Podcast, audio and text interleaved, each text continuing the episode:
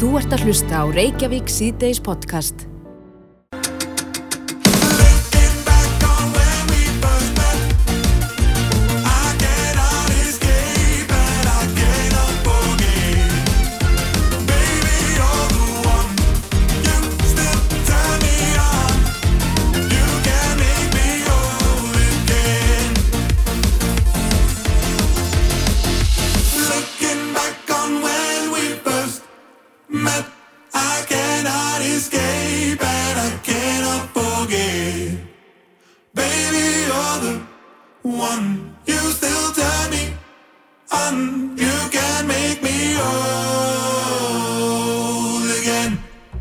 Algjörlega frábært. geggjað lag og Davíð ég fæ svona þarna nostalgíu Mhm. vegna þess að þetta sko upprunlega útgáfan með, með hljómsveitinni Atomic Kitten var mikið spilað þegar ég var unglingur Já.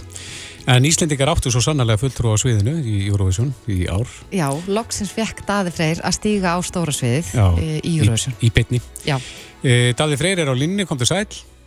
Já, það er óvægt að segja að þetta við hefnast framar vonum, þetta atriðið þitt. Já, það, það er næstil akkurat eins og ég var að vona, sko. já Hvernig hafa viðbröðu Já. verið, Daði? Bara alveg geggið, sko. Fólk vist mjög annað með það. og við heyrðum það auðvitað þegar þú varst að syngja á sviðinu að fólk þekkti lægið og var að syngja með og svo komstu þeim svona pínu óvart með því að vera að draga svona að, að segja nokkur orð en, en þá heyrðist uh, hversu vel og hátt sungið var með var það ekki ánægilegt? Heyrði það meira eftir á því ég, ég var ekki það ég er með svona innir sem eru mótið að yfirmá svo það lokar alveg mjög hressilega, sko. Já, þannig að þú varst ekki var við salin eða? Jú, jú, en bara ekki, ekki eins mikið við síðan tók eftir auðtökunni, sko. Nei.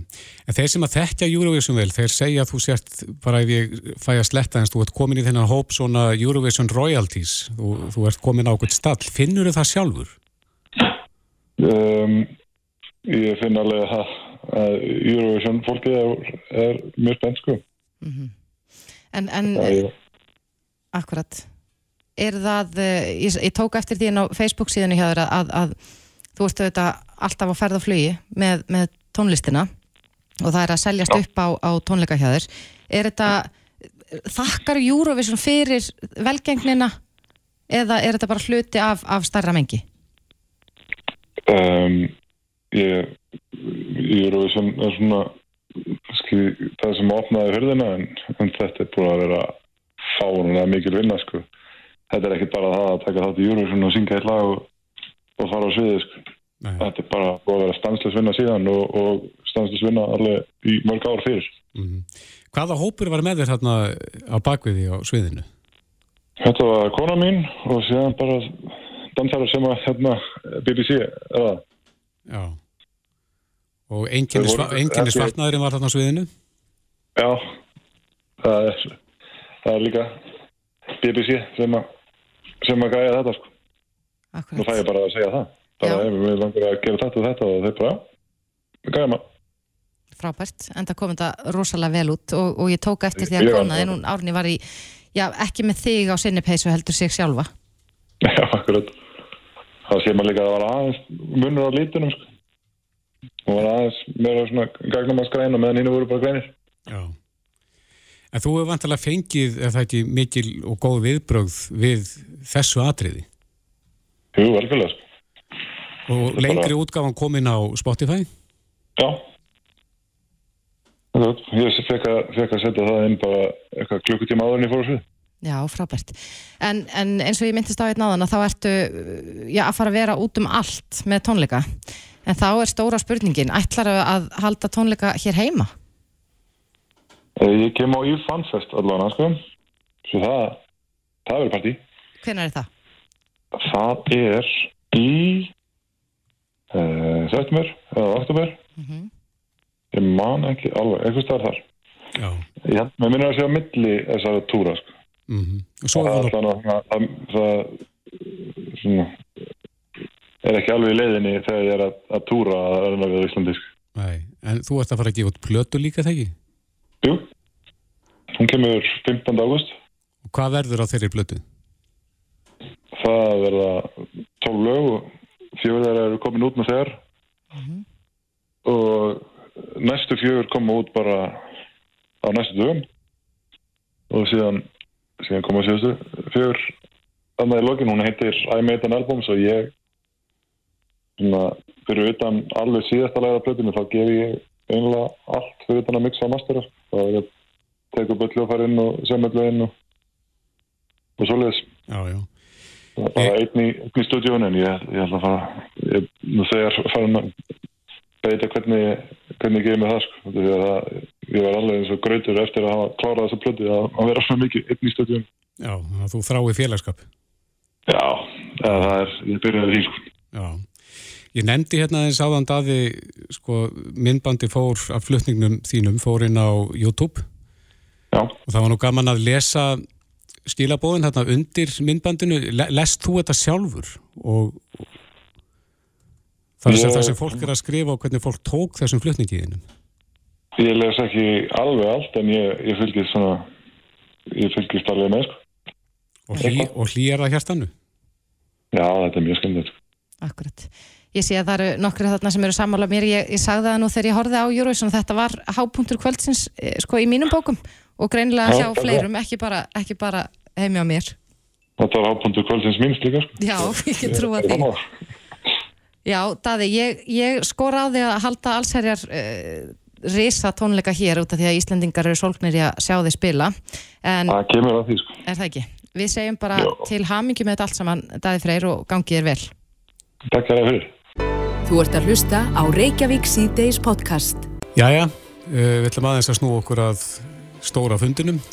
Já, honum hefur verið slitið. Já, og uh, ég er nú svo sem búin að vera að fylgjast með, vísir er búin að standa sér rosalega vel í að vera með vakt, Já. þar sem maður getur fylgst með bara í rauntíma, það sem er í gangi neyri hörpu og uh, já, þetta er búið að vera alls konar, það er meðal annars búið að, að, að skrifa undir þessa tjónaskrá sem við höfum meðal annars talað eins um hér í þessum þætti, það voru þó ekki allar þjóðurnar sem að skrifuðu þar undir. Nei, en meðlutin hefur kannski komist á því eftir augna blik. Já, nefnilega. Katrín Jakobsdóttir, fósættisrátar, er á línunum, kom til sæl. Komið sæl. Já, myndur þú segja að þetta væri velhæfnaði fundur?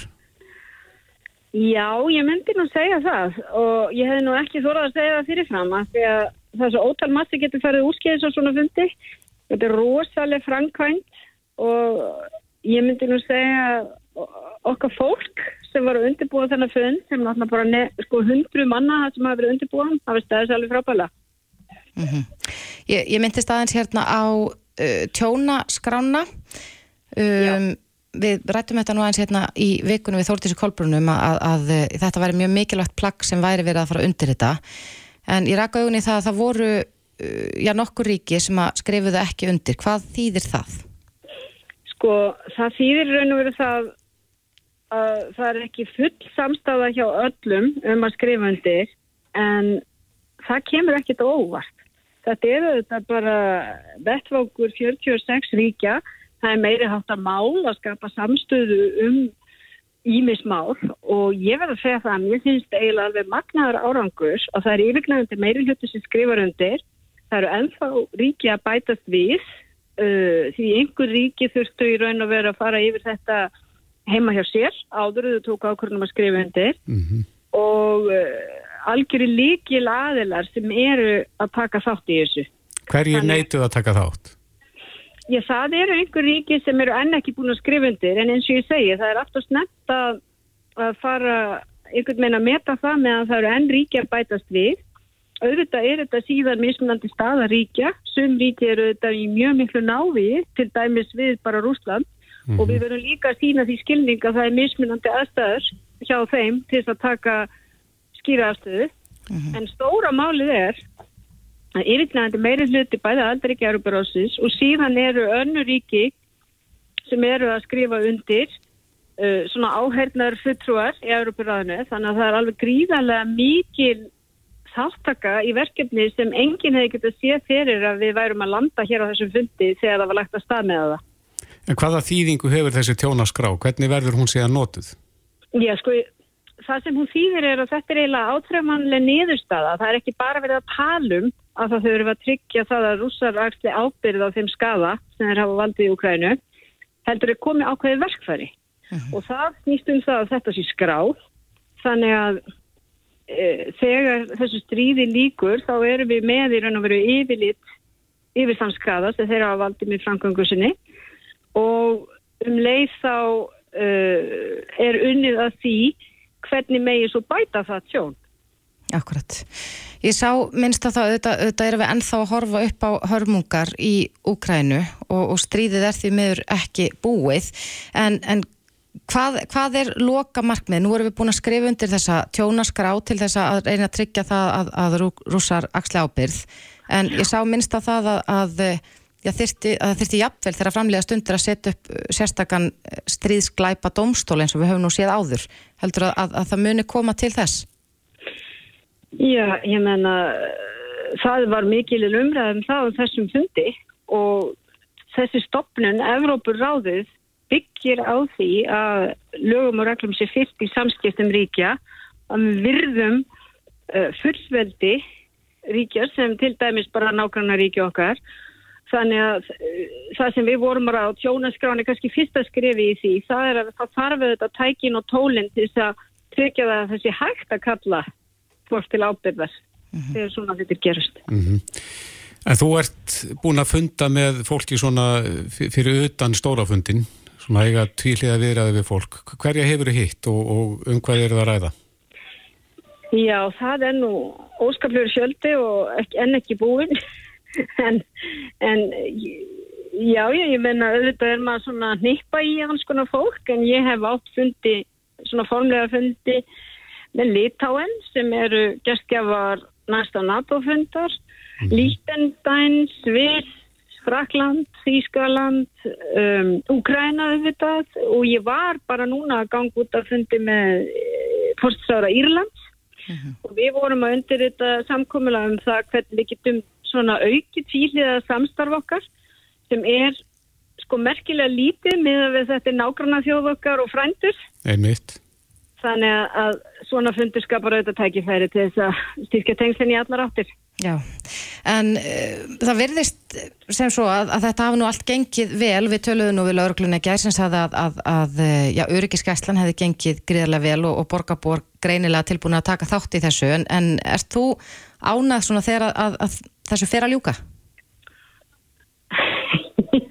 ég, ég neyta því ekki þetta er auðvitað rosalega stór framkvæmt og ég nefndi það hérna að það eru auðvitað bara hundru manna að vera búin að vinna undirbúininu og það er bæði inntrækið sem við erum búin að vera að ræða og svo auðvitað þessi framkvæmt þar sem svo ótrúlega margt getur farið úrskeiðis. Og bara sko eitthvað sem virðist rosalega ennfast eins og fólk skilir sér ekki allt í einu á fundastað, heldur með hæfilegu millibili. Mm -hmm. Þetta er rosalega skipulæning. En heyrist þér, Katrín, vera ánægja hjá gestunum með fundin? Já, ég, nú, ég vil nú ekki eitthvað hljóma of ánæg með Ísland, en ég held að, að gestunir hafi verið sko, jú, ánæg með fundin og intakið og allt það, en ég heldur hafi líka verið bara gladir að koma til Íslands. Má maður ekki vera smá montin þegar, þegar það svona... Jú, Æ, ég náttúrulega elska þetta land svo mikið, en sko margir þegar komu voru að segja, æ, maður er alltaf á einhverjum fundum, það sem er engi glukkar og ekki neitt og hérna erum við bara að horfa út og sjó og sjá fjöllin og það var svona, þeir voru svona uppnumdir, margir hverjir. En veðri var nú kannski upp á sitt besta og fréttamyndin til dæmis að fósettanum okkar, Guðuna T.H., það sem að regliðarna voru öfugsnúnar í rótinu.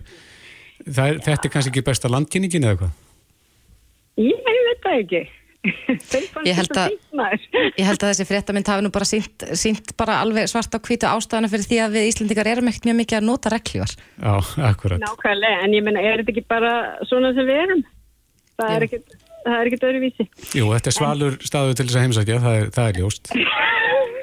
jú, jú, ég auðvitað hefði vel við vilja að hafa sól og blíðu, en, en Ísland er bara alltaf fallet. Já, já. Eh, er komið spennuhall hjá fósættisáðuranum?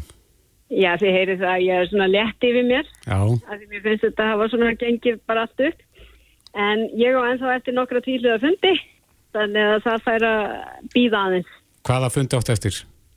Ég er núna að fara að hitta eh, fulltrúa bandaríkjana á fundinum og síðan leggur leiðin til fósættisáður á Luxemburgar Mhm mm og, uh, og síðan þarf náttúrulega aðeins að fara yfir þetta allt saman og hvernig þetta gekk með sínu fólki. Já, en almenn ánægja með, með svona niðurstöðu fundarinnar og, og, og uh, það sem þið funduðu um. Já og það er, hún var auðvitað ekki bara um Úkrænu þó að það hefði verið miðlægt, en það eru ímsið þættir sem við höfum verið að ræða. Uh, Það var mjög mikil umræðum gerfigreindina, hvað áhrif hún getur haft á mannréttindi, mm -hmm. líðræðisþróun og annað. Hafa menn áhyggjur af gerfugrindinni og þessari hröðu þróun. Já, við sjáum bara ekki fyrir hvaða áhrif hún getur haft til dæmis bara á líðræðiskipulagi uh, og hvaða áhrif hún getur haft á réttind okkar og það stendur yfir mikil vinna við þetta og það var mjög skýr afstöða flestir þessu töluðu það þarf að flýta þeirri vinnu. Setja upp einhverja gerðingar. Já, og við þurfum regluverk áður en, en kannski uh, þróunin svona eiginlega stingur okkur af. Já, heldur að það sé búið að gerast nú þegar? Er, er gerfigreindin komin fram úr uh, okkur eða ykkur jafnvel? Ég, við erum þetta að sjá svona uh, sko þróun sem hefur verið í gangi vissulega og undan farin áratug hefur hún orðið æsaðari. Nú er hún í veldisvexti og það má ekki býða lengur að við komum okkur saman um alþjóðlegt regluverk um þessi mál. Því þetta getur breytt svo óbúslega miklu, það getur haft frábær áhrif en það eru líka ógnanir. Einmitt. Rétt hans í lókin Katrín, það vakti aðtekli í uppásræðunniðin í gær, uh, franskan þín. Talar þú fransku reyð brennandi? Það myndi ég nú segja að vera ofsagt en, en, en fyrir, fyrir margt lengur þá lærði ég nú smá fransku þannig að það kemur sér vel á svona stundum. Já, við heyrum það, þú ert, þú ert sko hóværum eigin getu sem og uh, landið og landkynninguna.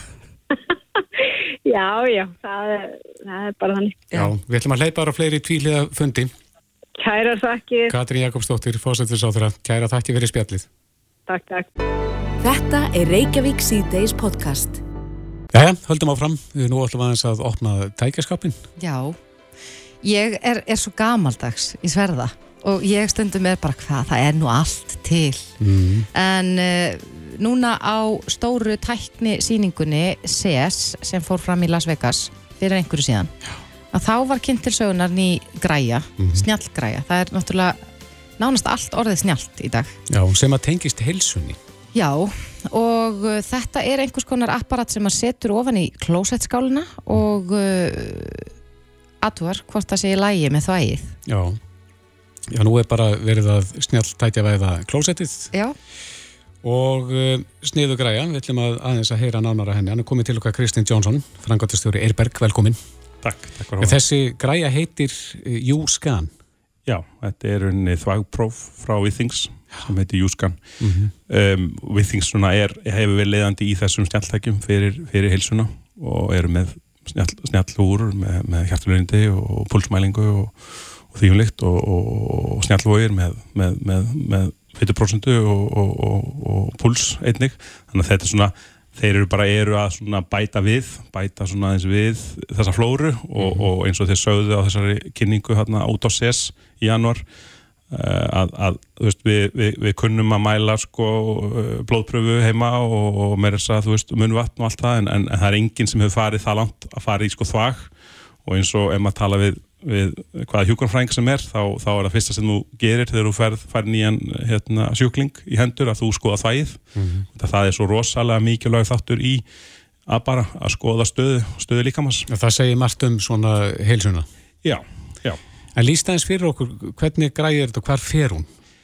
Sko, þetta er, þetta er sérst lítill, svona nýju, þetta er svona nýju cm pökkur, hvítur, sem þú hérna, sem þú svona, svona húkkar í klósettskáluna og setur bara þar og, og, og hann, er sérst bæði fjölnóta og endurhlaðanlegur, þannig að hann bara situr það, þú ætti ekki að gera neitt við hann.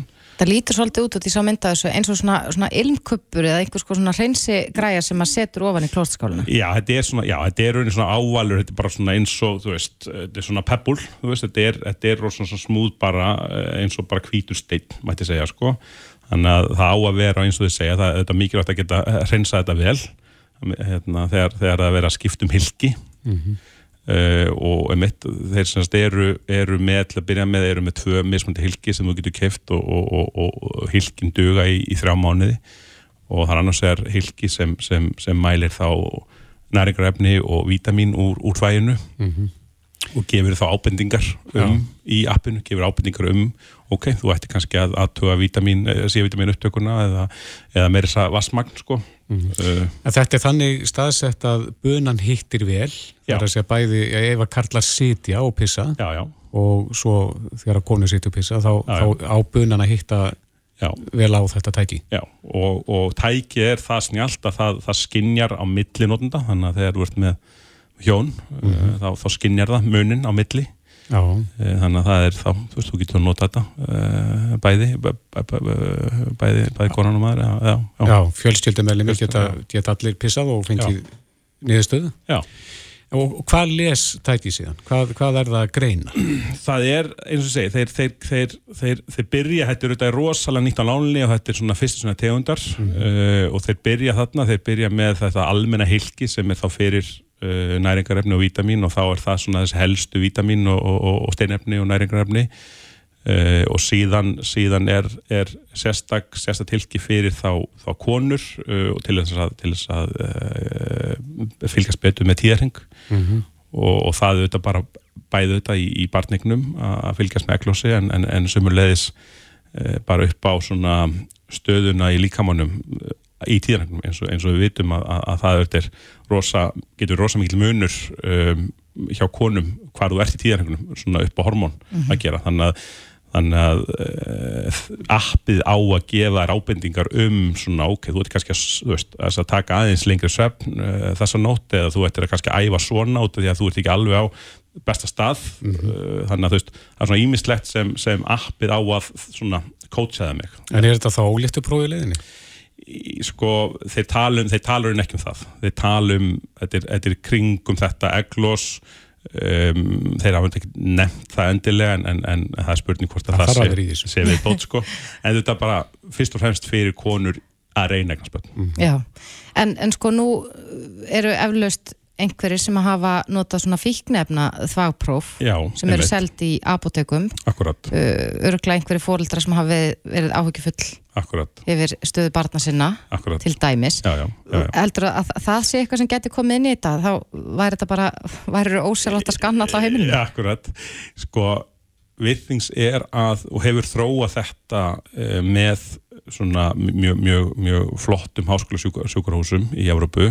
Uh, annars vegar þessa almennu hilki en líka svona sérhæð hilki og, og það er svona það sem maður heyrt er, er, er það er hilki, hilki fyrir síkursjúka og hilki sem er kannski til þess að mæla hérna livrahilsu og ég hef ekki heyrt um þessi fíknefnapróf en, en það er kannski eitthvað sem, sem kemur. Kannski auðvelt að miða framhjá líka? e, svo það sko, það er kannski auðvelt að fara að, feika það sko. Já, já, eða bara að, að það. heimilismeðlimum Já, sko, fer alltaf út að pissa. Já, akkurat. En, en það er heldur að, að þetta muni vera vinsælt bara svona á almennu markaði fyrir fólk sem bara er, er áhuga samt um heilsuna og, og, og vill fylgjast með Já, til dæmis tók ég eftir því að tala um að gæti fengið að vita hvort að maður sé að drekka nægilega mikið vatn, Já, skilur hvort einmitt. að, að maður sé nægilega, A- algjörlega og þetta er kannski mitt fyrir fólk og, og, og ég minna mitt í þessum næringa og, og vítamin hilki sko, þá eru líka að horfa á ketósu þú veist, þannig að þegar fólk er í þessum ketó klúpi, þessu mataræði að fylgjast með hvort þú setur ketósu, þá, þá getur þetta verið partur af því sko auðvitað er þetta allt saman bara spurning um hversu langt ferði í tæknina sko, hversu, langt, hversu langt ferði von í hérna kannuhóluna í, í, í snjallvæðingu. En ég held að þetta sé sannlega mjög góð viðbót fyrir marga sem eru kannski þurfa aðstóð, skilur, þurfa aðstóð við ykkur ímestleg uh, helsufars vandamál sko. Einmitt, svo ertu með þetta tæki tengt við síman. Já, og þetta er, já, og þetta er auðvitað bara, hugmyndin er að þetta á að vera eins einfalt og auðvelt fyrir notendan og hægt er, þannig að það er, þetta er sérst með endulega rafluð sem dugur í þrjá mánuði, alls og hilkið, um, þetta er með wifi tengingu, þannig að þetta bara sendir gögnin beint í appið, þannig að þú sér það og þú getur þetta sendt þínum lækni þau, þessi, þessi niðurstur auðveldlega úr appinu. Uh, síðan eftir þrjá mánuði þá, þá er raunin komið tíma á skiptum hilki og þá, þá er raunin þetta bara þrýfuru hilkið bara eins og þú klóstið og, og hérna opnar það, uh, skiptur um hilki og hleður það og, og þá er það tilbúið aftur í, í, í næstu samáni. Já, ég veit að það er alveg smargir laðir að stað inn í Eirberg til að kaupa svona tæki en þetta er ekki komið út, er það? Nei, þeir kynnti þetta þarna á CS, á teknissýningunni á CS og fengu mikið, mikið svona aðtikli, þeir, þeir fengu velun, nokkuð velun fyrir þetta og þetta er þetta algjörlega brautriðandi mm -hmm. eins og allt sem er svona bæði flókið og, og, og þetta sem tengist helsu og svona helbreyði þá þartu þetta að fara í gegnum svona ymsarvottanir eh, þetta á að koma í 8. nómur Og hvað kemur þetta til með að kosta? Eh, þetta verður, þeir tala um 500 eurur þannig að þetta er ykkur 70-80 skall Akkurat Já, spennandi. Já. Ég, ég er, er, er spennt að sjá þetta í búðum en spurning hvort að maður láti verða því að snjálfaða klósitið ásamt öðru. Kristinn Jónsson, frangotistjóri Eirberg. Kæra þakki fyrir komina. Takk fyrir. Þetta er Reykjavík C-Days podcast. Já, við höldum að frá hér Reykjavík C-Days og, og ég held að umræðan um kvalveðar hafi nú ekki farið fram hjá neinum. Nei. Uh, undarfarna daga eftir að skýrsla matvælastofnar uh, byrtist það sem ímislegt kom í ljós sem ég held að almenningur hafa ekki að næla átt að sem næla vel á Nei. til dæmis það að, að já, það þarf oft margar atrenur til þess að, að drepa þessi dýr Já og dauða stríðið tegið sig yfir tvo tíma uh, í einhverjum tilfellum Í gær fengum við til okkar eh, Segumar Guðmundsson og Bryndis Haraldsdóttur sem voru nú ekki, þau voru kannski sammála um ímislegt en ósammála um það sko hvað þýrt að gera. Segumar vill að, að, að eh, hann er þingmaður viðristnar, mm -hmm. að það verði lagt bann á kvalviðar strax, að leifi, veiðileifi kvals verði afturkallað undir eins á meðan að, að Bryndis Haraldsdóttur segir að þurfa að fara fram ja, líðræðislega umræða á þingi og innan, innan um, atvinnuverðnefndar þingsins. Já. Sigursteinn Másson, ráðgjafi alþjóða dýra velferðarsjóðsins og stjórnaformaður í dýravendarsambandi Íslands er komið til okkar velkomin. Já, takk. Ja, hvar stendur þú í, í þessu máli? Ég myndi náttúrulega auðvitað vilja að kvalveðum er þið tafalaust hægt. Um, búin að berist í þessu 20 ár mm -hmm. Og um, fyrst voru það sko hrefna við þetta sem að uh, hófust eftir 13 ára hlið 2003 og svo þreymar árum setna 2006 að þá byrjuðu viðar uh, kvals á FA á langriðum. Og ég var alltaf uh, þeirra skoðunar að það væri engin mannuleg leið að drepa svona stór dýr í hafinu. Þetta væru tilgangslösar veiðar ónöðsynlegar og það væri í raun og veru allt sem að inni með því að, og mælti með því að, að hætta þessu. Þannig ég myndi auðvitað helst vilja að þetta myndi hætta strax. Erstu sammála þeim sem vilja afturkalla leiði kvals? Nei, ég er ekki sammála því vegna þess að það er ekki, ekki mögulegt lögfræðilega og lagarlega því miður er það bara þannig og, og hérna, auðvitað myndi að maður vilja óska þess að það væri öruvísi en uh, veruleikin er bara þessi að uh, þetta veiðileifi það byggir á lögum sem í grunninn eru frá 1947 úreld lög. Og voru síðan uh, þeim að breytt 1949 og þau lög í þeim er engin stóð gagvart uh, þeirri uh, hérna, þessu, þessu veiðilefi þar að segja það sem að kemur fram í veiðilefinu reglugjörðunum það um, var þetta skilirðin þannig að laugin sjálf bakka ekki upp reglugjörðunum eins og við vitum þá eru þetta laugin alltaf um, þau toppa, þau trompa mm -hmm. uh, reglugjörðir þannig að það er ekki lagastóð fyrir því að uh, afturkalla gildleifi og sérilega heldur ekki þegar að matvælastofnun ítlu heilli hefur komist að þeirri neðstuðu uh, að uh, veiðna sér ekki ólöglegar. Þær samramast ekki markmiðum lagana samramast þar leiðandi ekki andalagana og uh, stofnunum kemst að þeirri neðstuðu að þær séu óásættanlegar út frá því hversu langan tíma tekur að drepa dýrin. En þær eru ekki ólöglegar. Og við þetta bætist því að stjórnarskrá og stjórnarskrávarinn réttur manna til atvinnufrelsis og svo framvegis og framvegis. Þannig að það er ekki möguleik að draga þetta, mm -hmm. þetta leifi tilbaka hins vegar verður að ganga þannig frá uh, þessu öllu saman að þetta verði í allra síðasta skipti sem að uh, þessar uh, kvalveðar með þessum hætti og bara kvalveðar yfir höfuð hér við land uh, síðu stundar og uh, ég held að það sem skiptir líka mjög miklu máli í þessu er að við þurfum að uh, hafa matvælastofnun eftirlitstofnun með dýravelferð sem að virkar miklu betur heldur en þessi stofnun gerir. Uh, núni sömar skiptir auðvitað öllu máli að eftirlitið haldi áfram og verði ef eitthvað er upplugara heldur en það var núna uh, síðasta sömar sem þó leiti þessar upplýsingar í ljóð sem við núna höfum um þetta dýranýð en að við um leið og sagan endur tekur sig og það tekur langan tíma að mörka lífið úr uh, stórum kval að uh, þá verði gripið til aðgerða. Þá verði, þá hafi það afleðingar uh, fyrir kvalhóef og uh, mast hefur þessar uh, lagaheimildir þar bara beita þeim Mm -hmm. Þessi umræða hefur verið mjög hávar upp á síkastið og, og margir sem hafa kallað eftir því að, að leifið verið afturkallað en, en þú eins og segir hefur, hefur verið í þessu málum í, í tvo áratögi. Er, er besta leiðin það núna, eins og vast að lýsa, að vera með mjög upplugt eftirlit núna í sömar mm. og, og væri þá endanlega markmiðið frá þínum bæturum séð að, að já, sína fram á það að það er ekki hægt að gera þetta með mannulegum hætti og því verði að hætta þessu til frambúðar. Það er þegar búið að sína fram á það.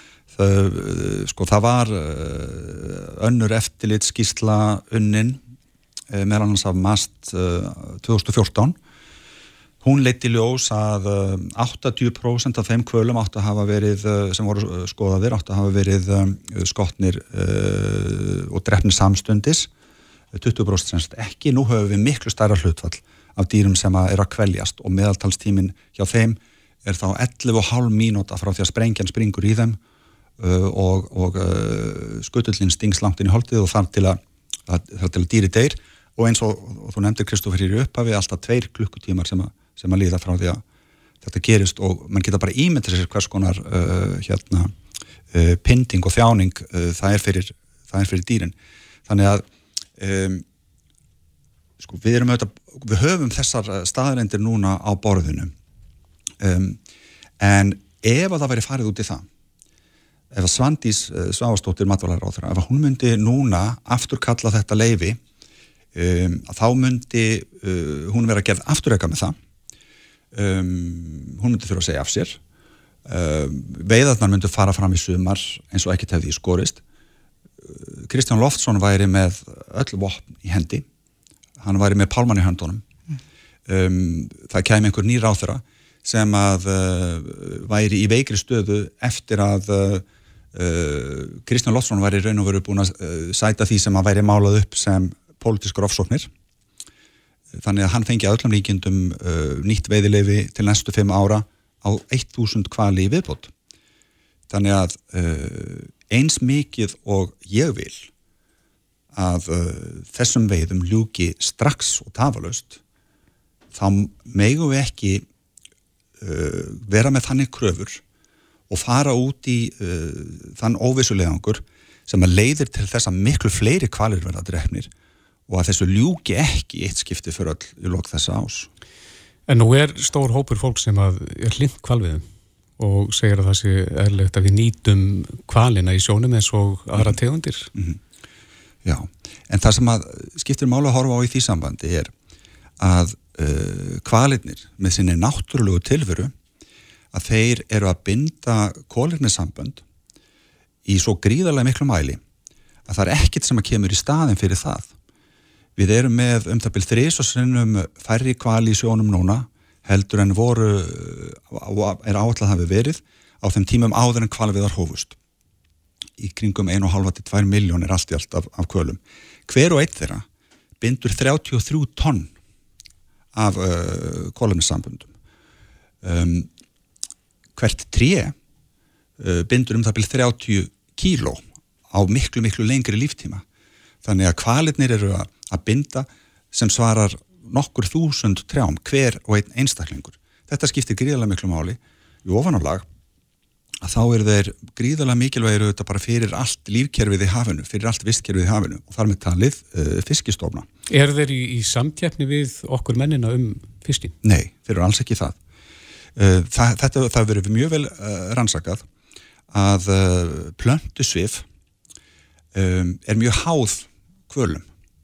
Þeir uh, eru virkilega að íta undir plöntusvifi í hafinu. Plöntusvifið er mjög mikilvægt fyrir alla lífurur hafsins, þar með talið fiska, uh, en það er líka binda kólefnissambund og, og, það er að búa til súrefni. Þannig að 50% af súrefninu í andrumslufti jarðar kemur frá þessum litlu líferum sem eru mjög háðar kvölum. 50% af súrefninu. Og, og bara bindingin á, hjá, hjá uh, plöntusvefi á korfnasamböndum samsára fjórum sinnum það sem að allur Amazonskóðurinn gerir þannig við þurfum miklu fleiri kvali uh, fleiri kvalir, fleiri fiskar uh, meiri binding á uh, korfnasamböndum þannig að það er rauninni þegar maður horfir, á þetta svona út frá heildrannu sjónamiði þá er það auðvitað sko miklu meiri glæpur heldur en bara dýranýðið og pindingarnar sem að fylgja þessum, þessum sprengjaárosum, þessum veiðum uh, heldur sko er þetta líka glæpur gagvart sko náttúrun og gagvart mannkynunu að uh, vinna svona gegn því sem að uh, við þurfum akkurat mest á að halda núna. En, en uh, eins og við myndist á einn áðan, við gerðum nú könnun þar sem að- kom fram að, að já, meiri hluti er hlindur því að við höldum kvalviðum áfram. Á hverju heldur að það byggist? Þessi stuðningur við kvalviðarnar? Það eru ofsalega miklar tilfinningar í þessu að báða búa og nú held ég og nú væri gott ef að uh, við gætum svo litið reynd að uh, horfa á rökin horfa á stöðuna eins og hann er og, og reyna einhvern veginn að nálgast þetta svo litið af skinnsemi af því að tilfinningarnar eiga alveg rétt á sér. Og það er alveg eðlilegt að fólk hafi sterkar tilfinningar gagvart náttúrun og gagvart dýrum. Það er ekkit óveðlegt við það. Um, en uh, í þessu sambandi þá held ég að við þurfum bara svona að horfa á, á staðrindirnar og þær liggja á borðinu eins og ég var að lýsa fyrir ykkur að þetta eru óskaplega verðmætt og mikilvægt dýr fyrir okkur bara út frá, út frá því að um, um, lífið á jörðinni geti bara sko uh, almennilega haldið áfram. Þannig að, að hérna, við þurfum að nálgast þetta viðfungsefni það er einn maður í he- heiminum sem að, að, að er að veiða þessi dýr, þar að segja langræðarnar það er engin annar sem að, sem að gerir þetta. Um, Kristján Loftsson er skinsamur maður, hann er góður uh, businessmaður, uh, hann er að reka fullt af fyrirtækjum og, og hann er ríkasti maður í Íslands. Ég held ég geti sagt hans í allra ríkasti maður í Íslands en allavega í hópi þeirra þryggja ríkustu. Uh, hann tapar 300 miljónum á ári hverju verti þegar hann er í þessum kvalveðum uh, en einhver síðar stendur hann í því uh, og Veitu, hvað- fóðan fyrirtæki til þess að borga það upp Já, hvað, hvað heldur að liggi þar að baki? Af hverju ætti menn að vera í þessum bransæðum ef með tapa? Sko, því miður hefur svona einhvers konar, konar stríðs ástand einkjent svolítið uh, umræðuna og, og hérna baráttuna getur við sagt uh, hann er kvalveðar. Kristján lendir í því 1986 að tveimur kvalveði bátum er sögt í Reykjavíkurhöfn. Ég held að hann sé ekki búin að gleyma því. Og uh, því miður er það þannig að oft þá hefur uh, mjög svona furðulegum aðferðum verið beitt af hálfu kvalavendunar sinna. Um, menn voru að sökka skipum og, og, og, og trubla veiðar með ólögmætum hætti uh, árum saman. Uh, þetta voru Sea Shepherd og Greenpeace og, og það fórherti uh, þessar kvalveiðfjóður sérstaklega uh, Ísland, Noreg og, og Japan. Ég held að mörguleiti séum sé við ennþá í þessum spórum af því að menn fóru í stríð.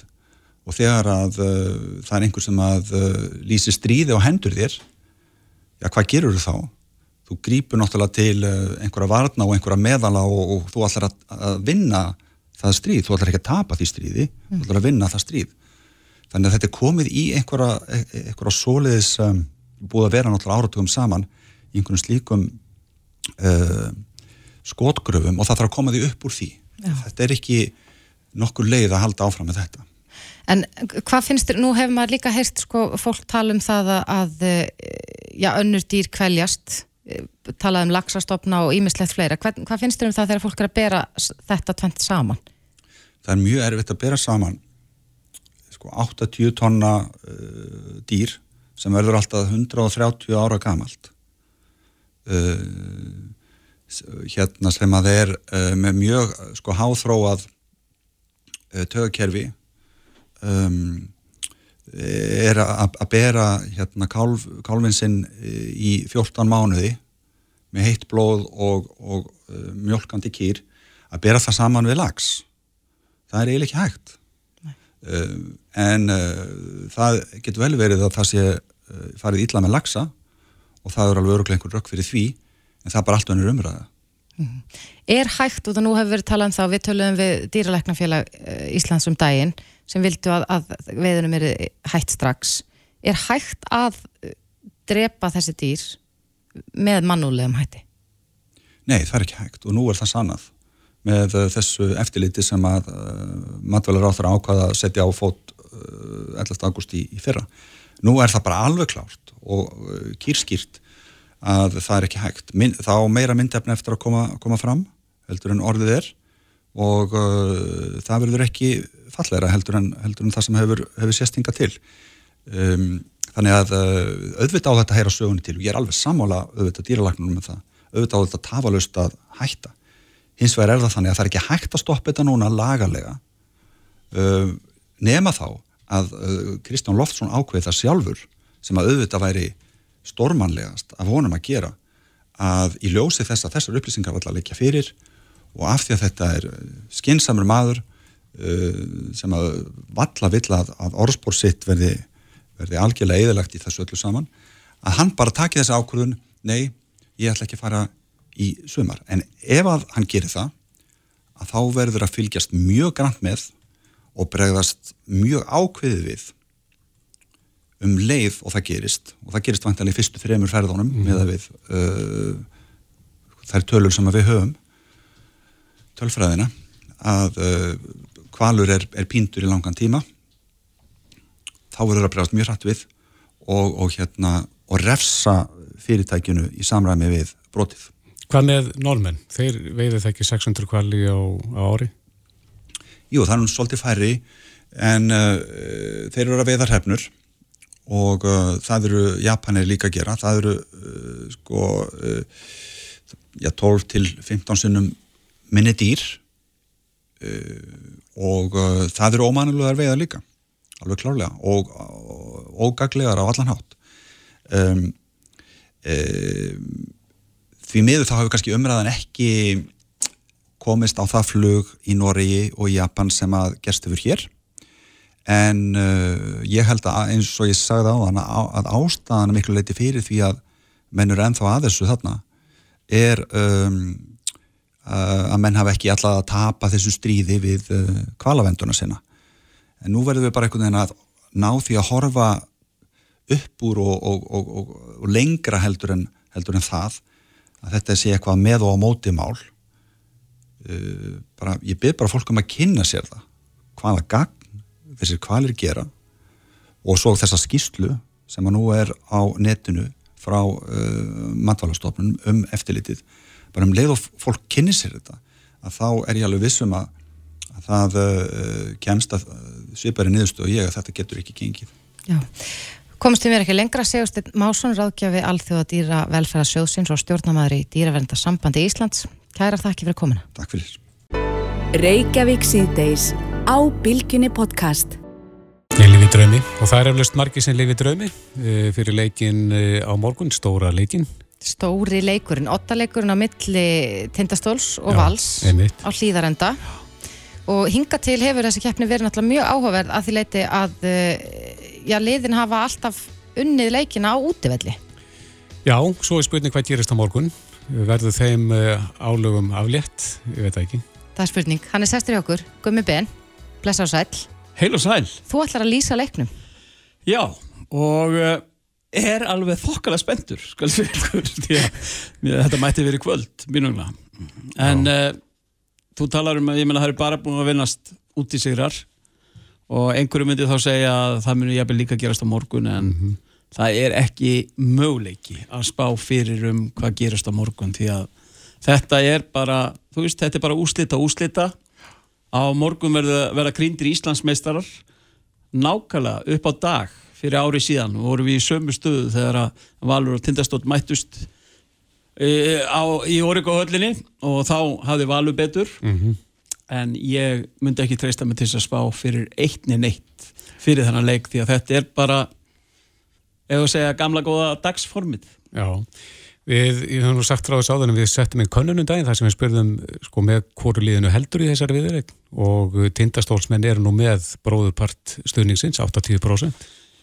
80% já, það, ég held að það sé bara eðlegt, það eru það eru bara valsarar sem að halda með val og síðan eru hinnir sem að halda líklega með, með stólunum og, og ég held að sé mjög eðlilegt að halda eins með stólunum því að eh, þeir hafa aldrei orðið Íslandsmeistarar til þess að byrja með og síðan er bara stemmingin sem er búin að myndast á króknum er, eh, hún er smittandi Hún er engur lík. Já, hún er bara mjög smittandi og, og hérna það, það er eitthvað það er eitthvað við við þessa stemmingu sem að 80% að minnstakosti einhvern veginn hrífast með. Já, en hva, sko nú erum við nokkur sem búin að tala um það hér að það er alveg rosalega mikil áhugi á þessari, eh, á, á bara á körfuboltanum sem, sem að, allavega ég hef ekki sérstaklega upplifað nema kannski fyrra Mhm. þegar maður smitaði svolítið af stemningunni. En, en nú er staðan þannig að já, það seldist upp á bara undir eins á leikin á morgun. Uh, það, það hefur verið sagt frá því að þau hefðu getað selt 20.000 Já. miða á leikin hvað veldur þessum gríðarlega áhuga? Sko ég held að við getum alveg aðeins þakkað sjónvarpinu, stöð 2 sport því að uh, mér finnst bara tækni fólk okkar og, og þeir sem koma að þessum útsendingum, afstakið það hafa bara gert þetta ótrúlega vel en síðan er bara þetta sem vorum að ræða rétt áðan með, með stuðningsmennina. Það er bara, til dæmis stólarnir þeir hafa myndað ótrúlega stemmingu og þeir hafa einhvern veginn á að smita líka stuðningsmenn vals sem að hafa myndað ótrúlega stemmingu líka í, í valseimilinu sérstaklega. Og, og hérna, þetta er bara svona alls konar sem að, sem að, sem að býr til þetta uh, einhvern veginn ég veit ekki hvernig orða þetta. Þetta er, þetta er með ólíkindum. Ef að þetta er til dæmis rétt að segja að vera hægt að selja 20.000 miða og uh, við þurfum að fá bara nýja þjóðurhöll strax til þess að geta haldið svona stóra viðburði því að þetta, þetta er bara það eru forréttindi að í fyrsta lega að fá miða og sjá þessa leiki, það er bara upplifun sem að allir eiga að fá að prófa. Hvað kemur til með ráðu úslitum á morgun, Gumi? Ég held að sé fyrst og fremst að að ná fram þessu rétta spennustí því að og mér finnst það reynda svo frábært að í, í brunni hjá liðunum eru tveir menn rað sigurverar Finnur annars vegar sem að, sem að vann mörg ár í röð með KR og, og síðan er hann búin að koma núna í val og vinna unnu síðast og valur að vinna þá í fyrsta skipti í, í, í mjög langan tíma. Menn að Pavel hefur unnið nánast á hverju ári bara síðustu tíu ára nánast. Og síðan tekur hann við stólunum það seint í janúar eða, eða í byrjun februar þegar að það var vesen á króknum og hann er komið með á alla leiði í úslita leikum Íslandsmóti og það, eh, þetta eru bara tveir gæjar sem hefur báðir skilið að vera Íslandsmeistarar. Þannig að ég ég veit ekki það er miklu meira reynsla sem þjálfari hjá, hjá, hjá Finn. En síðan er Pavel hann er úr einhverju öðru og kann ekkit annað heldur en að vinna. Þannig að ég, ég eins og ég segi, ég þór ekki að spá hver, hverju vinna En sko, Gummi, þú hefur alveg verið þekktu fyrir það að vera með svolítið hátt spennustig þegar þú ert að lýsa. Hvernig heldur að spennustig verði hjá þér á morgun? Ég held að verði mjög hátt Já. og eðla því að þetta er bara það verður, allir sem eru þannig inni og verði inn í húsinu á morgun munur smitast af, af bara andrúnsloftunum sem er þarna og vonandi fáum við bara mjög jafnan leik. Það er svona eina sem maður byður um því að eh, þetta hefur verið svona aðeins í úslitakeppni í ár það hefur verið svona svolítið bust þráttur að leikindin hafi jafnast kannski svona þegar undir restina og komið smá spenna þá fengi aðeins svo marga leiki sem hafa verið bust og, og það er eina sem ég byggðum ekki á morgun. Ég vil bara fá tvöfaldar framlíkingu og, og, og svona ekki fullt hjartáfall en svona auka slög. Og það er náttúrulega hefur sérst í þessari viðurregliðan að úslitin ráðast ekkert á fyrstu mínútan. heldur betur ekki, þetta eru magnaða sveiflur sem við sjáum í þessari íþrótt sérstaklega því að við erum að sjá kannski 40 stega sigur á þriðudegi og þú tapar síðan með 40 stegum á, á föstudegi. Þrefdugum setna sömu lið, sömu leikmenn bara nýtt parkett útivöllur eða hvað það er. Og það er með ólíkindum hvernig sveifluna verða í, í körubólta og hérna og við sjáum það bara milli leikluta því að ég held að það voru, margir sem voru búin að slökkva ég veit um nokkra valsara sem slökkt á sjónvarpinu eftir fyrsta leikluta á sögurkróki í síðasta leik heldur þetta væri bara komið og stólarnir vildi ekki horfa upp á stólan að fagna en uh, fréttu síðan að því í tíu fréttum að, að þeirra niður grunni sem er magnað En hvern, hvernig hafa stuðningsmenninni verið að haga sér? Hefur, hefur verið eitthvað vesen?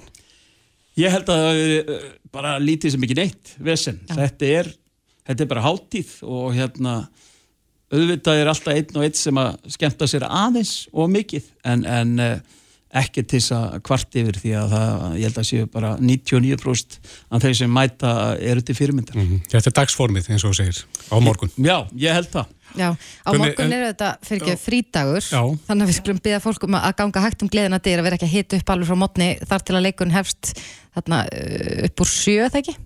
Jú, er ekki bara 1915 sem sem að leikurinn hefst og það er allt til að býða fram yfir háti allavega með uppbytununa sína. Rétt aðeins í lokin, Gumi, við nöppum þér á leiðinni í eh, aðra lýsingu. Þú ert að fara að lýsa leik núna eftir það ekki? Jú, það er risaleikur, það er margi kallið þetta úslitaleg meistaradeildarinnar í ár það er Manchester City Real Madrid setni leikur í undan úslitum uh, Inter tríði sér sætti í úslitunum í, í Istanbul 10. júni í gerkvöldi með, með uh, 1-0 sigri á nágrunum sínum í Milan Já, en það er Sport. City Real Madrid á stötu sport rétt á eftir Takk fyrir, Gumi.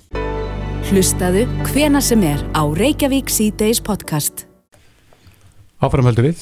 Það hefur farið að staða núna eh, umræða um eh, verslun og það er að segja opnunatíma verslana. Já, Vilji til þess að stýtta í annan endan í það minnsta opnunatíman, loka fyrra daginn. já, og þetta er svona hugmynd til þess að gera uh, já, verslanir svona að, að vin, nei, sérst, fjölskyldu vætni vinnustað. Já, og uh, það var mjög áhugavert að, að sjá í viðtali við eiganda móternum daginn að hann sagði að neysluvenjur okkar væri búin að breytast mjög mikið. Mhm. að það væri ekkit eins mikil traffík í búðum á milli 5 og 6 eins og var áður. Nei, umferðin að svona fara í meira mælin á netið. Já, en við rákumst á það að það verður viðburður núna á föstudaginn, þar sem er akkurat verið að tala um framtíð netverslunar og við vitum það og kannski sérstaklega í heimsfaraldrinum að þá lærðum við aðeins, eða breyttum við neysluvenjum okkar og fórum að panta rosa mikið á netinu og það er spurning hvort að það sé bara komið til að vera og hvort það verði ennþá meiri vöxtur Já, kannski því. stærsta breytingin er að fólk er farið að versla maturur á netinu. Það er kannski, var stóra breytingin í faraldinu. Já, eins og ég saði nú frá hérna daginn þá ég ennþá eftir að koma upp á lægi með þetta þannig að ég eh, stefna að því Já, nú skal ég fara að, að auðvelda mér lífið með því að kaupa mat á netinu þetta er mjög þægilegt. Já, en hann er sestur hjá okkur, Hjörvar Hermansson, sérfræðingur í netverslunum, kom til sælublessar. Blessuð. Já, þú ert að halda utan um þannig viðbur, framtíð netverslunar, uh, núna á föstudaginn, ekki satt? Já, það er rétt og hérna, þetta er sérst ráðstefna sem fer fram í hörpu. Það sem er tekið á uh, svona öllum hliðum sem tengast netvöslunum, allt frá greiðslum og afhendingum og vörum og markasetningu og upplifun og, og bara, bara eiginlega öllum þáttum sem koma að netvöslunum. Og, hérna, og á þessari ráðstefni eru nýju íslensk fyrirtæki sem uh, munum flytja tíu fyrirlestra, fyrirlestra. Um, og þetta er bara rosa áhugavert topic og hérna og bara verðugt að halda utan um það Já, heldur að, að já, eins og ég saði þetta áðan að þá í COVID að þá byrjuðum við svolítið mikið að færa okkur yfir netið, hefur það haldist þannig? sko ég get alveg trú að eitthvað gengið tilbaka að því náttúrulega við kannski áttum ekki þú veist aðra kosti á þeim tíma. En það var rosa mikill þroski uh, sem átti sér stað í COVID. Bæði voru margir sem voru hennilega ekki með netvæslanir og hérna uh, og svo bara neytundur sem voru svolítið þvingaðir í að nota netvæslun þannig að hérna þau fyrirtæki sem voru kom, komin áleiðis í þessari vegferð þau hérna þau nutu góðs af því. Já, Þannig að, hérna, þannig að uh, það var mikil vitundavakning fyrir bæði, bæði um, viðskipta aðila og, og hérna, rekstra aðila og hins vegar fyrir okkur nótundur, neytendur. í, í hvernig verslun hefur stærsta stöttið orðið? Sko, þetta er í rauninu bara á öllum sviðum ef maður pælir í því, sko. Þú veist, ég meina, fólki fara að kaupa bíla í gegnum neti, Tesla selur allt sitt eða í gegnum neti og hérna, sölu yfir ásins var hérna, TM og þeir selja tryggingar og maður hefði kannski ekki haldið fyrir tíu árum að þetta var svona típiski hlutir sem maður kaupir í gegnum netið, sko. Hvað á eftir að fara á netið? Um, þú veist, ég held til þess að matvaran eigi eftir að fara miklu meira í gegnum neti og, Ég veit um suma sem að versla eingöngu í matinn í gegnum netið. já, og þú veist, og við ættum eiginlega að gera það öll sko, mm. því við erum bara alltaf að kaupa sömu hlutina sko. Þannig að hérna, ég held að í mjög fljótlega og, og við sjáum það hjá krónni að þau eru komið vel á stað og hérna verið rosa gaman að fylgjast með þeim Mhm. Mér persónulega finnst hérna ekkert skemmtilegast í tími vikuna að fara með tvö börn í búðina í tvo tíma sko. Nei, það er svolítið um suð. Það er svolítið um það sko og maður er að grípa hvað snikkast með sér og það er svona Já, þannig að þetta geti kannski líka verið spurning um smá bara aðhald að maður, maður kannski er já, minna líklegur til þess að- vera versleikur að vittlisu minni freistingar. Já, já þetta geti kannski verið gott gott, gott fyrir það sko. Já, og hérna, en þetta mun klárlega koma til með að breytast. Og þetta er náttúrulega rosa mikið að breytast. Og að því við hugsaum um svona hefðbunda netverslun þá erum við að tala um eitthvað, er að fara með heimkaup eða þú ferð á búst eða þú veist? Um, en svo, þú veist, er það líka bara ferðhunustun okkar á eða allt undir í netverslun um, og svo náttúrulega bara afþreyingagerin er rosa mikið, þannig líka að við kaupum okkur með í bíó og, og hérna og þú veist, við, að því endur þetta deg þá erum við neytundur og við erum líka bara svolítið lötstundum, þú veist, við erum um, þú veist, strömlínlega dagskráð er svolítið búin, þú veist, við viljum bara horfa á heila Netflix-seri á einu kvöldi og, og TikTok er komin nýri 15 sekundur þannig að við viljum bara fá þetta svolítið rætt þannig að hérna já þurfum við kannski ekki að býða eftir þjónustunni. Ég hef lendið því sjálfa að vilja geta afgreitt eitthvað sjálf. Mhm. Út af því að maður svona byrjar að venjast í að þurfa svolítið að sjá um hlutina sjálfur og á þeim tíma sem hendar manni en svo lendir maður á okkur stoppi. En, en ég velti fyrir mig hvernig stöndu við sko í samanburði við aðra þjóðir?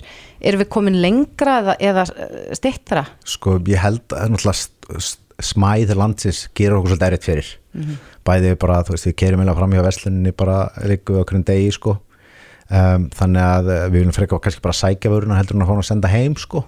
að það er auðvelt fyrir okkur að nálgast hana Mhm. um, en þú veist, við erum alveg svolítið langt eftir á og hérna, þú veist, bæði svo til þess kemur á matvöru og, og slíkt þannig að hérna uh, en það er bara rosa mikið í gangi þú veist, á öllum, öllum sviðum sko Akkurat. En hvað með tæknina? Hvað, hvað erum við komið langt í, í, í tækninni? Að nýta okkur hana? Sko, þannig er þetta líka svolítið, maður sér fyrirtæki sem sko hafa trú á s- og þú stjórnendur og rekstraræðila sem svona tíma að setja peningin í þetta Mhm. að því þetta er alveg svolítið fjárfesting að hérna, eitthvað svona, hei, við ætlum að fara í ve þessa vegferð og maður þarf að hafa trú á því sko um, en þú veist, mér finnst alltaf uh, svona festi fjölskyldan svolítið gott dæmi um þetta maður sér bara svolítið hvernig krónan er að taka skarið með þetta Mm. og mér finnst þeir svona eiga það Mhm. og hérna og þú veist og til dæmis bara svona eða svo fyrirlesturinn á föstudaginn að þar er heildveslunin garri að flytja erindi og þau selja 80% af allir sinni sölu í gegnum neti Mm. og hérna Og hvernig var það áður? Hvernig var Garri að starfa áður en það fór allt að fara í gegnum netið? þú veist, þar var þetta bara sölumenn þú veist, sem voru bara hérna í rosamiklum dialog og taka niður pantanir og þú veist, auðvelt að gera mistök og pantanir, þú veist, það var að taka saman pöntun og koma inn á lagur og taka hana saman maður, þú veist, núna fer bara hann að garra og pöntunum fer bara beintnir í byrðahús og hún er bara komið til miklu fyrr þannig að sko þjónustu stíð er að aukast með minni þáttöku starfsmanna Mm. þannig að hérna og það er það sem við viljum sko Já, Já það, en það- við eigum greinlega margt inni en, en þurfa fyrirtæki svolítið að, að vera tánum eins og þú tala nú hrósa krónunni og, og Mhm. ég veit að margir nota krónu appi til þess að versla í matuna og Mhm. svona ættu hinnar matveruverslandnar að, að reyna að hlaupa hans hraðar til þess að reyna að ná í skottið að þau Já, þú veist, ég, hérna, þú veist, það bara verður að gerast, sko. Ég meina, þú veist, hvað var fyrsti síminn sem þið áttu? Nokia 5010 Já, og, og hvað er Nokia í dag? Já, Þú veist, þetta er, hérna, þú veist, við áttum öll Nokia síma, sko. Mhm. Það er engin Nokia dag, sko. Nei.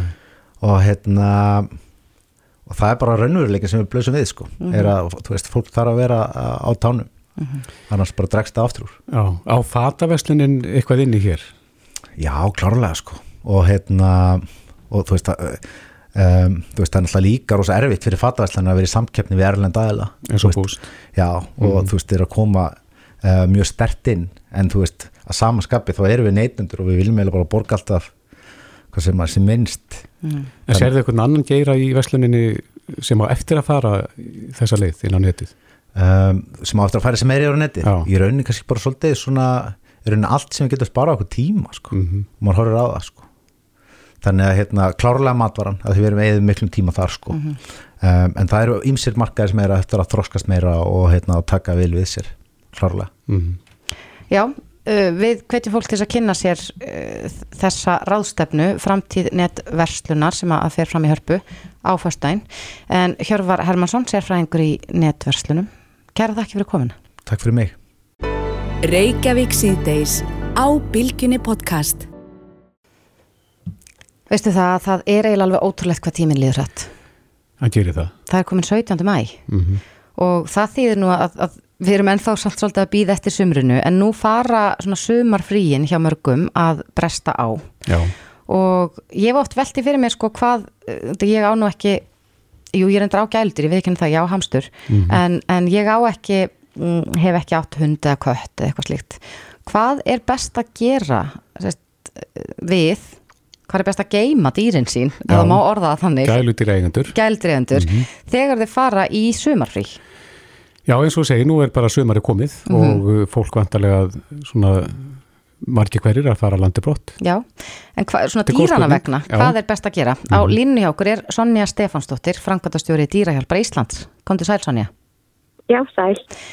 Út frá, út frá sko velferð dýrana og þeirra líðan, hvað er best eh, að gera við dýrin þegar maður fyrir sömafrí?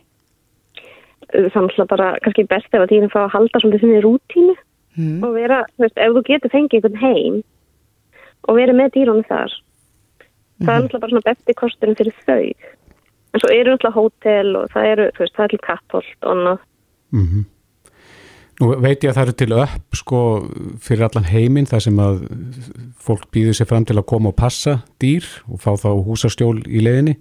Er, er til eitthvað svolítið sér á Íslandi? Fólk sem býður sér fram til að koma heim til fólks og, og passa dýrin? ekki sem ég séð, ég sé það að fólk er að bjóða þetta á Facebook eða samfélagsmiðlum og svona Mhm. en það, ég hef ekki séð svona app og það er nú samt með þess að til sko samnorrænt app sem væri gaman að fá hingað inn líka. Já, þannig að það vantar hérna á Íslandi. Já, ef einhver heyri þetta langar að keira það í gang. Það er, það er örugglega alveg góð hugmynd. Já, en finnir þið hjá dýrahjálpinni fyrir aukningu þar að segja fólk sé að, að hérna reyna að koma dýrunum sínum í stjól eða jafnvel að losa sig við þau? þetta er svona það ástími sem að við förum að finna fyrir uh, fjölgun dýra í heimilsleit. Já, það er bara verið bara öll ás sem við höfum starfað, þá er svona vor sumartímin það er svolítið, þú veist, það, þetta er fleiri dýrin á síðuna í heimilsleit, við fáum fleiri dýr inn í fóstur líka, Mhm. nei Er fólk þá Þannig að að koma jú. með dýrin til ykkar og, og einfallega bara koma þeim til ykkar? við erum, erum bara með fósturheimili þannig að þú þarfst að sækja um að koma með dýri til okkar að hérna, við þurfum að finna fósturheimili áður en við getum tekið við þeim Og, hva, og hvaða útskýringar gefur fólk? það er alltaf bara svo margt að getur gerst aðstöð getur bara eðla breyst hjá fólki fólk þess að flytja erlendis og þá bara í hag dýrsins að vera heima á Íslandi Mm -hmm. uh, fólk er að flytja húsnæðismarkar náttúrulega er svakalegur svona Akkurat. Og, og gælutir auðvitað ekkert Og- og leið allstaðar. nei, alveg því miður Nei. þá við séum í réttri átt það er svona aðeins verið að fara að leifa á fleiri stöðum En tengi þið þessa aukningu við sumarfríin? Heldur að séu dæmi þess að, fólk hreinlega, já bara ætla að fara til útlanda í tvær, þrjár vikur, jafnvel mánuð og, og, og halda að sé bara betra að, að losa sig alfari við dýrið af heimilinu? uh, ég held að þetta sé mjög bara í fæstum tilfellum þannig sko en það Mm. kemur fyrir ég held að bara, yfirleitt er þetta bara eitthvað breytingur annað með sömrinu og þannig, að ég ætla að vona það, ég trúi því En hvernig dýr eru það sem að eru helst þá að leita að- heimili? E- e- Hundar eða kettir eða er það minni dýr? bara allt, kanínur, hundar og kettir og kannski, þú veist, það er auðvelt að fá fólk kannski til að passa fyrir sig, ég veit ekki, kísurnar heima, það er mjög gott að einhver getur verið með þeim eða koma og kíkta á þær. Já, það eru svo sjálfstæðar. Já, en það þarf svolítið að passa sko að hafa þær ekki úti kísur og þú veist að fara í langa tími í burtu og þær fara bara þá að leita sér að einhverju við að vera og, og geta týnst, þannig að þú þarfst eiginlega að passa að halda þeim inni eða þú fara, eða þú hafa einhvern heima. Mm Nú þekki ég lítið sem ekkert um atferðli korki hundan ég katta. En, en er það minna, eh, já kannski sjokk fyrir dýrin að fá einhvern nýjan einstakling inn á heimilið heldur en að taka dýrin af heimilinu? Já, þeim finnst þeir elska rútínu og hafa allt svona sitt. Þeim finnst breytingar yfirleitt erfiðar. Það var alltaf það mismundi karakter á milli dýra. Mm. En hérna, og þú getur alltaf verið búin að fá einhvern heimsókn og kynnt hann fyrir dýrinu áður en hún lætur hann svo passa. Akkurat, þannig að, að dýri sem fara að þekkja svolítið rólega. Já, Já, þetta er svo sem eiginlega bara eins og með börn. Það er mjög erfitt að koma börnum fyrir í pössum hjá okkur sem að, já þau þekkja ekki eða fá einhver til að passa börn sem þau þekkja ekki. nei, eins og, eru- eins og börnum bara mjög fljóta aðlæðast. Já, en hvað með svona, Jú, að fá einhvern til að passa, annarkvært fara með, ert með hund, fara með alltaf, svo jafnvel keisuna líka, svo hef ég því að fólk er að bjóðast til að fara heim til fólk sem er í fríi og kíkja á kísuna eins og til svo dag svo eru hundahótel fyrir hunda og það er bara mjög misjánt eftir karakter hundsins hva, hvort, hvernig hann þólir að fara á hundahótel það er ekki gefað en líði velvar það er svo mikið árið og annað svo hefur maður alveg heilt að hundum sem er bara hlaka til þegar heyra þessi að fara rann í hlaði sko. Já, þannig að þetta snýst svolítið um að, að eigandin þekki dýri sitt og, og viti svona cirka hvernig dýri muni bregðast við. og vera tímalega Mm. að finna lausnir og annað, ekki vera bara allt í henni og síðustu metrunum og bara hafa ekkert pláss fyrir dýri sitt Mm. Eru þið með mörg dýr núna sem að er að leita heimili?